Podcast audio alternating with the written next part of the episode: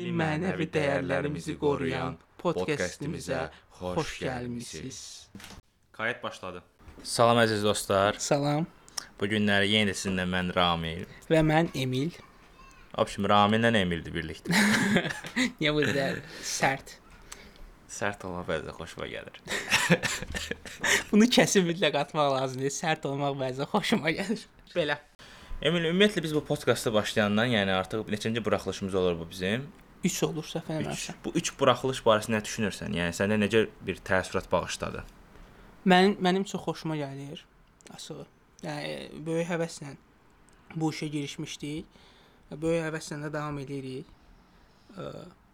Yəni çox xoşuma gəlir. Əsas sən necə fikirləşsən? Mən ən, ən çox sənin fikrin maraqlıdır. Belə yəni Podkastla bağlı. bəli, bəli, bəli. Podkastın açığı başlayanda mənim çox da böyük ümidlərim yox idi ki, yəni yəni bir həvəs olar. Sadəcə özümə dedim ki, biz bunu başlayırıq, edəcəyik, yəni belə bu tip tərif. Aha. Yenə sərt deyirəm. Aha. Yəni Çünki çünki mənlə məni tanıyan insan bilir ki, yəni əgər mən mənim ümidimə qalsa, hə bu gün eləyərik, sabah eləyərik, amma biri çıxıb deməlidir ki, hə, elə eləyəcəyik, o məni qaza gətirməlidir. Ondan sonra mən başlayandan sonra o həvəslə dayanmıram.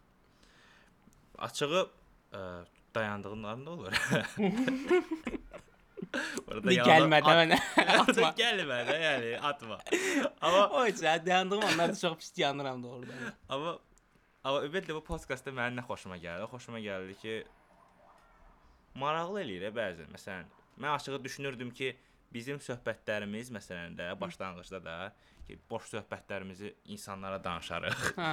insanları biraz boşluqla məşğul edərik. Bu boşluqla insanları biraz yorarıq dedim, amma görürəm ki, yəni özümə çox xoşuma gəlir. Mənim də. Mən Yəni ümumiyyətlə elədikcə yəni artır da belə. mən ümumiyyətlə biz elə birinci dəfədən tanış olunan, yəni həmin söhbətlərdə mən deyim ki, bu söhbətlər mütləq dünya ilə paylaşılmalı söhbətlərdir.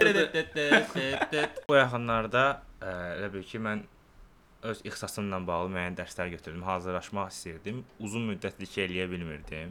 Sağ olsun Emin Emin mənə bir şey öyrətdi. Hə, o texnik. Bilirsən necə? Mənim kimi tənbəl adamlar özünü tanıyandan sonra bilirsən ki, yəni belə olmur da. Bu cür həyat keçməyəcəyini biləndən sonra öz beynini yüyə allatmağa başlamalısan. Bu internetdə milyon dənə yolu var. Amma ə, mən bir şey kəşf etdim özümdə. Mən Emilin evdə hazırlanmış texnikləri. deməli resepti deyirəm. Kağızları götürün yazın. Ya bir dənə Excel, burada orada dosya oluşturursunuz bir dənə. Adi ad, gün, e, gün nədir? Ay, gün, bir də ki e, tamamlanıb tamamlanmadı. Yəni durun vəziyyət kontrolu. Eləyirsiniz onu Excel-də düzəltdirirsiniz. Daha düzəldirsiniz. Düzəltdirir. Əzizlərə də verdi. bir ara şey olmuş deyə, nə idi Teams daha çox işləndiyi vaxtlar Teams hesabı açılır. 5 manat, 6 manat açılan şeylər var idi. O yaxşıdır. Teams heç olmasa yaxşıdır. Hə.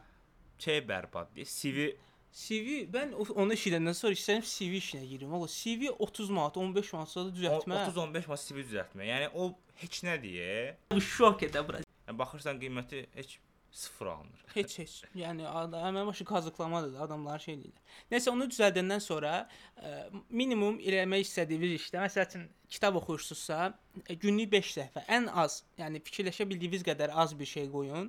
Yəni günlük 5 səhifə oxumasanız belə onu qoyun. Sonra oxuyun 30 səhifə, 40 səhifə. Mən bilirəm ki, bir iş- işə başlayanda onsuz da yəni dayanmadan işləyirsən və 2 həftə, 3 həftə bunu davam edirsən də. Məsələn 30 səhifə oxursan, 40 səhifə oxursan, amma 4-cü həftə belə bir şey gəlir ki, bəlkə dayandıram, onsuz da bəhsizat kimi bir şey gəlir. Onda da məsəl üçün 5 səhifə olanda deyirsən ki, onsuz da 5 səhifədə 2 dəqiqə məsələn bəlkə 10 dəqiqə belə vaxtım almayacaq. O tənbəl olacağınız vaxtlarda belə eləməyə davam edirsiniz. Mən açıq bu günlər bunu uyguladım. Mənə çox xoşuma gəldi, alındı. Əslində mən başqa texniklərdə məsələn istifadə eləyirdim. Məsələn bir neçə dənə texnik var idi başlamaq üçün. Pomodoro deyə bir şey eşitmisən? Pomodoro mən heç xoşuma gəlmir. Pomodoro ilə işləyirəm də mən əslində. Yo, mən hepsini 25 dəqiqə işləmə, 5 dəqiqə fasilə. biraz sıxır mənə, xoşuma gəlmir. Necə sıxır? Özümü limitləməyi sevmirəm. Mən sərtəm. Yox, bildim sərsən, amma məsələn 2 saatca işləyirsən, sabahsı gün həmin şeydə Yox, olursan axı. elə demirəm. Mən məsələn xoşlayıram ki, nəsə bir proje kimidir. Məsələn deyirəm ki, qabağıma plan qoyuram ki, məsələn bax bunu bitirəcəm. Onsuz bizim həyatımız bir şey eləməyə başlayıb ondan sonra dayanmaqdır. Belə. Mən kinoya getdim. Eləyəcəklərimiz işlərdən biri də əslində Ramil də gələcəkdi. Prosta o birisi Azərbaycan səfərinə çıxıb 4 gündə 4 şəhər rekordu. bütün bütün Azərbaycanı gəzmək üstündə şey deyib, qurulub. Nəsə mən getdim kinoya. Kinodan əslində o qədər də razı qalmadım. Yəni kino o qədər xoşuma Nə gəlmədi. kinosuydu? Fountain. Yəni bir dənə pis şey oldu ki, Hugh Jackman-ı şey gördüm, keçəl gördüm. keçəl Hugh Jackman mənim bütün sinir sistemimi pozdu. bütün bütün əsəblərimi pozdu. Günüm biraz pis keçdi, amma ondan sonra yaxşı oldu əslində. Hugh Jackman Bəs- olmasaydı daha yaxşı Bəs olardı. ümumiyyətlə getdiyin yer haqqında danışmaq istəyirəm. Getdiyim yer çox yaxşı idi. Oradan da o yerdən çox razı qaldım. Passage Art. Passage sinemaya da buradan təşəkkür edirəm. Elə bir və şərait düzəltdi. Çünki 2 ildən 2 ildir də mən kinoya getməmişdim. Açıldı və çox razı qaldım. Orada da insanlarla danışdım. Belə, sən getsən amma bir yerdə getsək çox da yaxşı olardı. Mən sənin yaxşı vaxtın keçib orada. Tək getdin. Aha. Tək tək getdim, yaxşı vaxtım keçdi əslində. O vaxt ora qədər də domino oynadıq. Bu da qəşəng bir domino bastıq. Orada 2-3 dənə uşaq var idi. Amma ə, mən də o vaxt Gəncədə idim. Gəncə, Ağdaş, Mingəçevir, Göyçay. Mingəçevir necə yerdir? Mənim üçün çox maraqlı gəldi. Mingəçevir bilsən necədir? Elə bil ki, bu Sumqayıtın bir başqa cür variantı kimidir. Düzdür, mən orada indi Kür çayı var idi. Heç o tərəfə getmədim. Yəni alınmadı məndə. Yəni maraqlı yerləri var idi, amma alınmadım. Belə Yerdən- şəhər olaraq, yəni belə də sakit bir yerdir. Belə deyərdim. Mingəçevir, Mingəçevir. Eşitmisən mahnını? Mingəçevir, Mingəçevir. Di yarata bu bayılda yerləşirdi. Yol Sevilə bayıldı. Yol çox uzundur. Mən Kristal Hola kimi getmişəm, amma tam ora kimi getməmişdim də. Yəni konkret uzaq bir yerdir.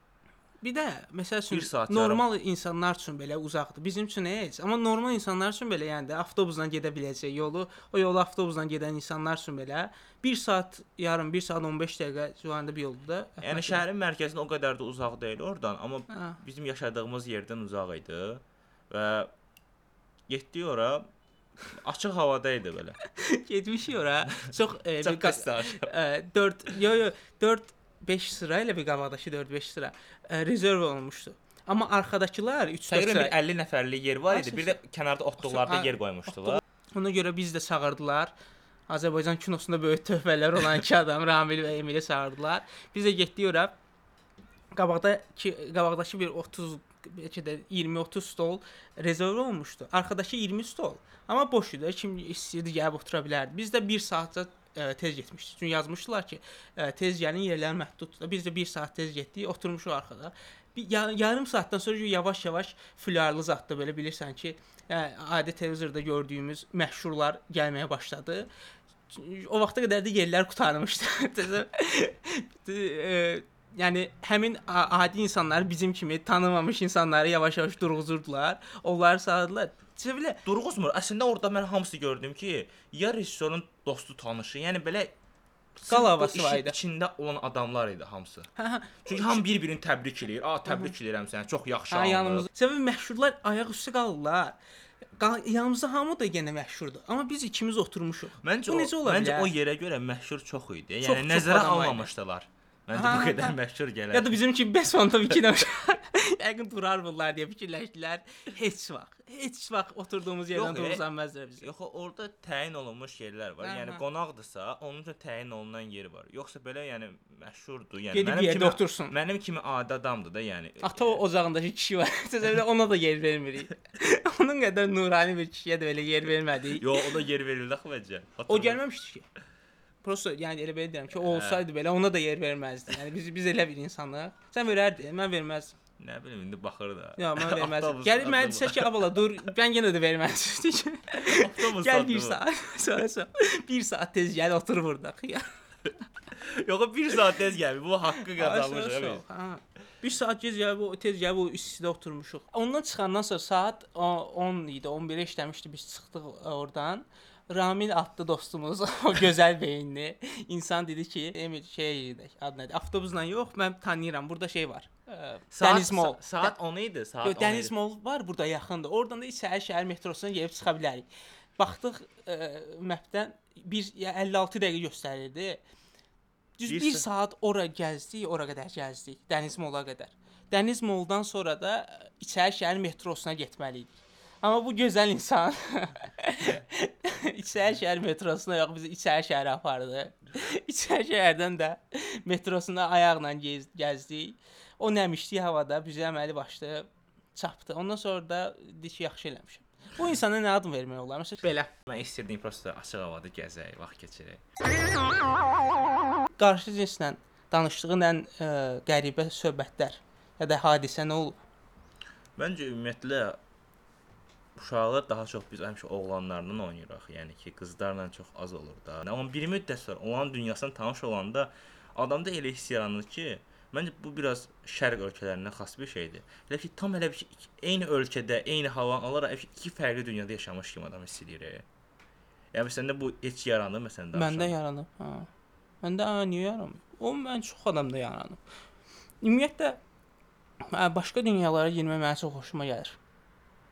Qadınların dünyası. Qadınların dünyası deyəndə mənim sən deyirəm, sayt olur, e, rozov rəngli. Ancaq? Desayt. Qız qızların girib ə, öz dərdlərini yazdığı. O saytlara girmirsən, o saytlar dəli saytlar deyə. Yox. Nə bilim, əri, ərim gəldi. döydülər. Yo yo, ərim ə, bu gün belə bir ha- e, belə bir şey elədi. Səncə sizcə bu normaldır? Qızlar cavab yazın, zət belə şeylər. Ora gələndə çox qəribə bir ailəmə Məncə elə şeylərə girənlər var ki indi. Ha, niyə də yoxdur? Öyle beşir Bu adamlar da bloqlar, yox, bloqlardır da. Məsəl üçün bir bir şey var, sualı var, əri ilə bağlı ya da ki bir həyat şeylə bağlı. Girir o orada axtarış verir. Bu günlər ərim duranda 3 dəfə asqırdı. Sizcə bu normaldır? Yox, məncə bu normal deyil, aldadır səni. Yaxşı getdim boşamağa. Fəntasız. Mən ümumi olaraq dedim də, məncə hər şey qəribə olur. Yəni bir hər şey qəribə. Eyni şey məsələn tutaq ki, bizə nə yaxşı elə bil ki Elə ki birimiz elə ki qırmızı alma deyirik, o birisi alma qırmızıdır deyir. Yəni o tipli və belə Bu nə baxırsan, mənasız bir söz idi. İşlədirsən. Ki Bizim podkastda belə mənasız şeylər yeri yoxdur. boş bir bölüm əvvəl şeydən podcast- qapılardan da belə. Qadınların nə vaxtsa başa düşəcəyi hiss eləmirsən. Məsələn, bir hadisə olub deyirsən ki, mən ki başa düşürəm. mən başa deyirsən. düşmüşəm artıq. Oy oy. Mən başa düşmüşəm, nə məndə başa düşmüşəm. Başa düşmüşəm ki, onları başa düşməmək, başa düşmək olmur. Ay sual, sual budur. Dünyanın simulyasiya olduğuna inanırsan Ramil? Məncə dünya böyük bir simulyasiyadır ya. Hmm, mən amma nə bilim mən düşünmürəm belə. Məncə dünya bir simulyasiyadır. Yazanda Fəntasız. Zaman maşının olsa hara gedərdim? Bunu da o qızla danışmışdım. Mən dedim ki, ona Hitlerin özünü vurduğu ana gedərdim. O da mənə belə baxdı ki, ki niyə? Mən dedim ki, Mən də hal-hazırda sənə baxıram. Niyə? məni tanıyandan sonra niyə deməzsən bebeğim muah, dedim. Yanından ayrıldım. İnanmıram. Ömrü boyu belə bir şey eləyənlərə. Onu deyə eləyəndən sonra yanından ayrılmalısan da, yanında dura bilməzsən ki ondan sonra. Belə. Mən misal gedərdim. Gəncə qapısının oğurlandığı günə gedərdim. Və o, hadisəyə bir yəni sadəcə gözlərimlə Deyərdi ki, o şahid qapını olmuşam. götünü çalmasa. O birisi qapını mən əl atardım. Yəni qorxmayın, mən də buradayam deyib əl atıb kömək eləyərdim oradan da Gürcülərə. Sən getməzsən Gürcülərin o oğurladığı Gəncə qapısına. Yox. Heç yəni yox. E. Biz bu keçən səfər qoyda şeylərdən danışdıq. Gəncə qapısı. Hə. Sənlə gedərdim. Məncə sənlə var ha. Lüboy hansı bir tarixə və boş bir yerə yeni gedərdim. Məncə özəl bir şey olmalı deyil. Doğrudan mən o dəqiqə onurlandırdım. İkimiz deyirsən hara istəsə, bilirsən ikimiz necə olardıq? Doktoru kimi bir şey olardıq. Mən doktor olardım. Sən də o yandakı qız. Məsələn Hiroşimaya getmək istəyərdim. Özümün bir Bəs kim kimi getmək istəyərdin? Məsələn, kim kimi getmək istəyərdin? Emil kimi getmək istəyərdin? Yox, Hiroşimaya bir yapon kimi getmək istəyirdim. Birini gətirib döymək istəsən kimi gətirərdin? gətirib döyürsən də nə yapırsan? Üstümüz yığışırıq Nurlan sən mən. Kimi Çağı da gətirir? qaysa kimi gətirsən, döyürsən əməlli başlı. Kim gətirmək istəyirsən? Tarixdə o qədər adam var. Məsəl üçün Hitleri gətirib döyəsən də nəyi var? Ah, bu həyat çəkilməz. Ah, bu həyat çəkilməz. Hayat çəkilməz. Sən sevdan ol. hayat çəkilməz. Dırı dırı. Ah, bu həyat çəkilməz. Ah. Ah.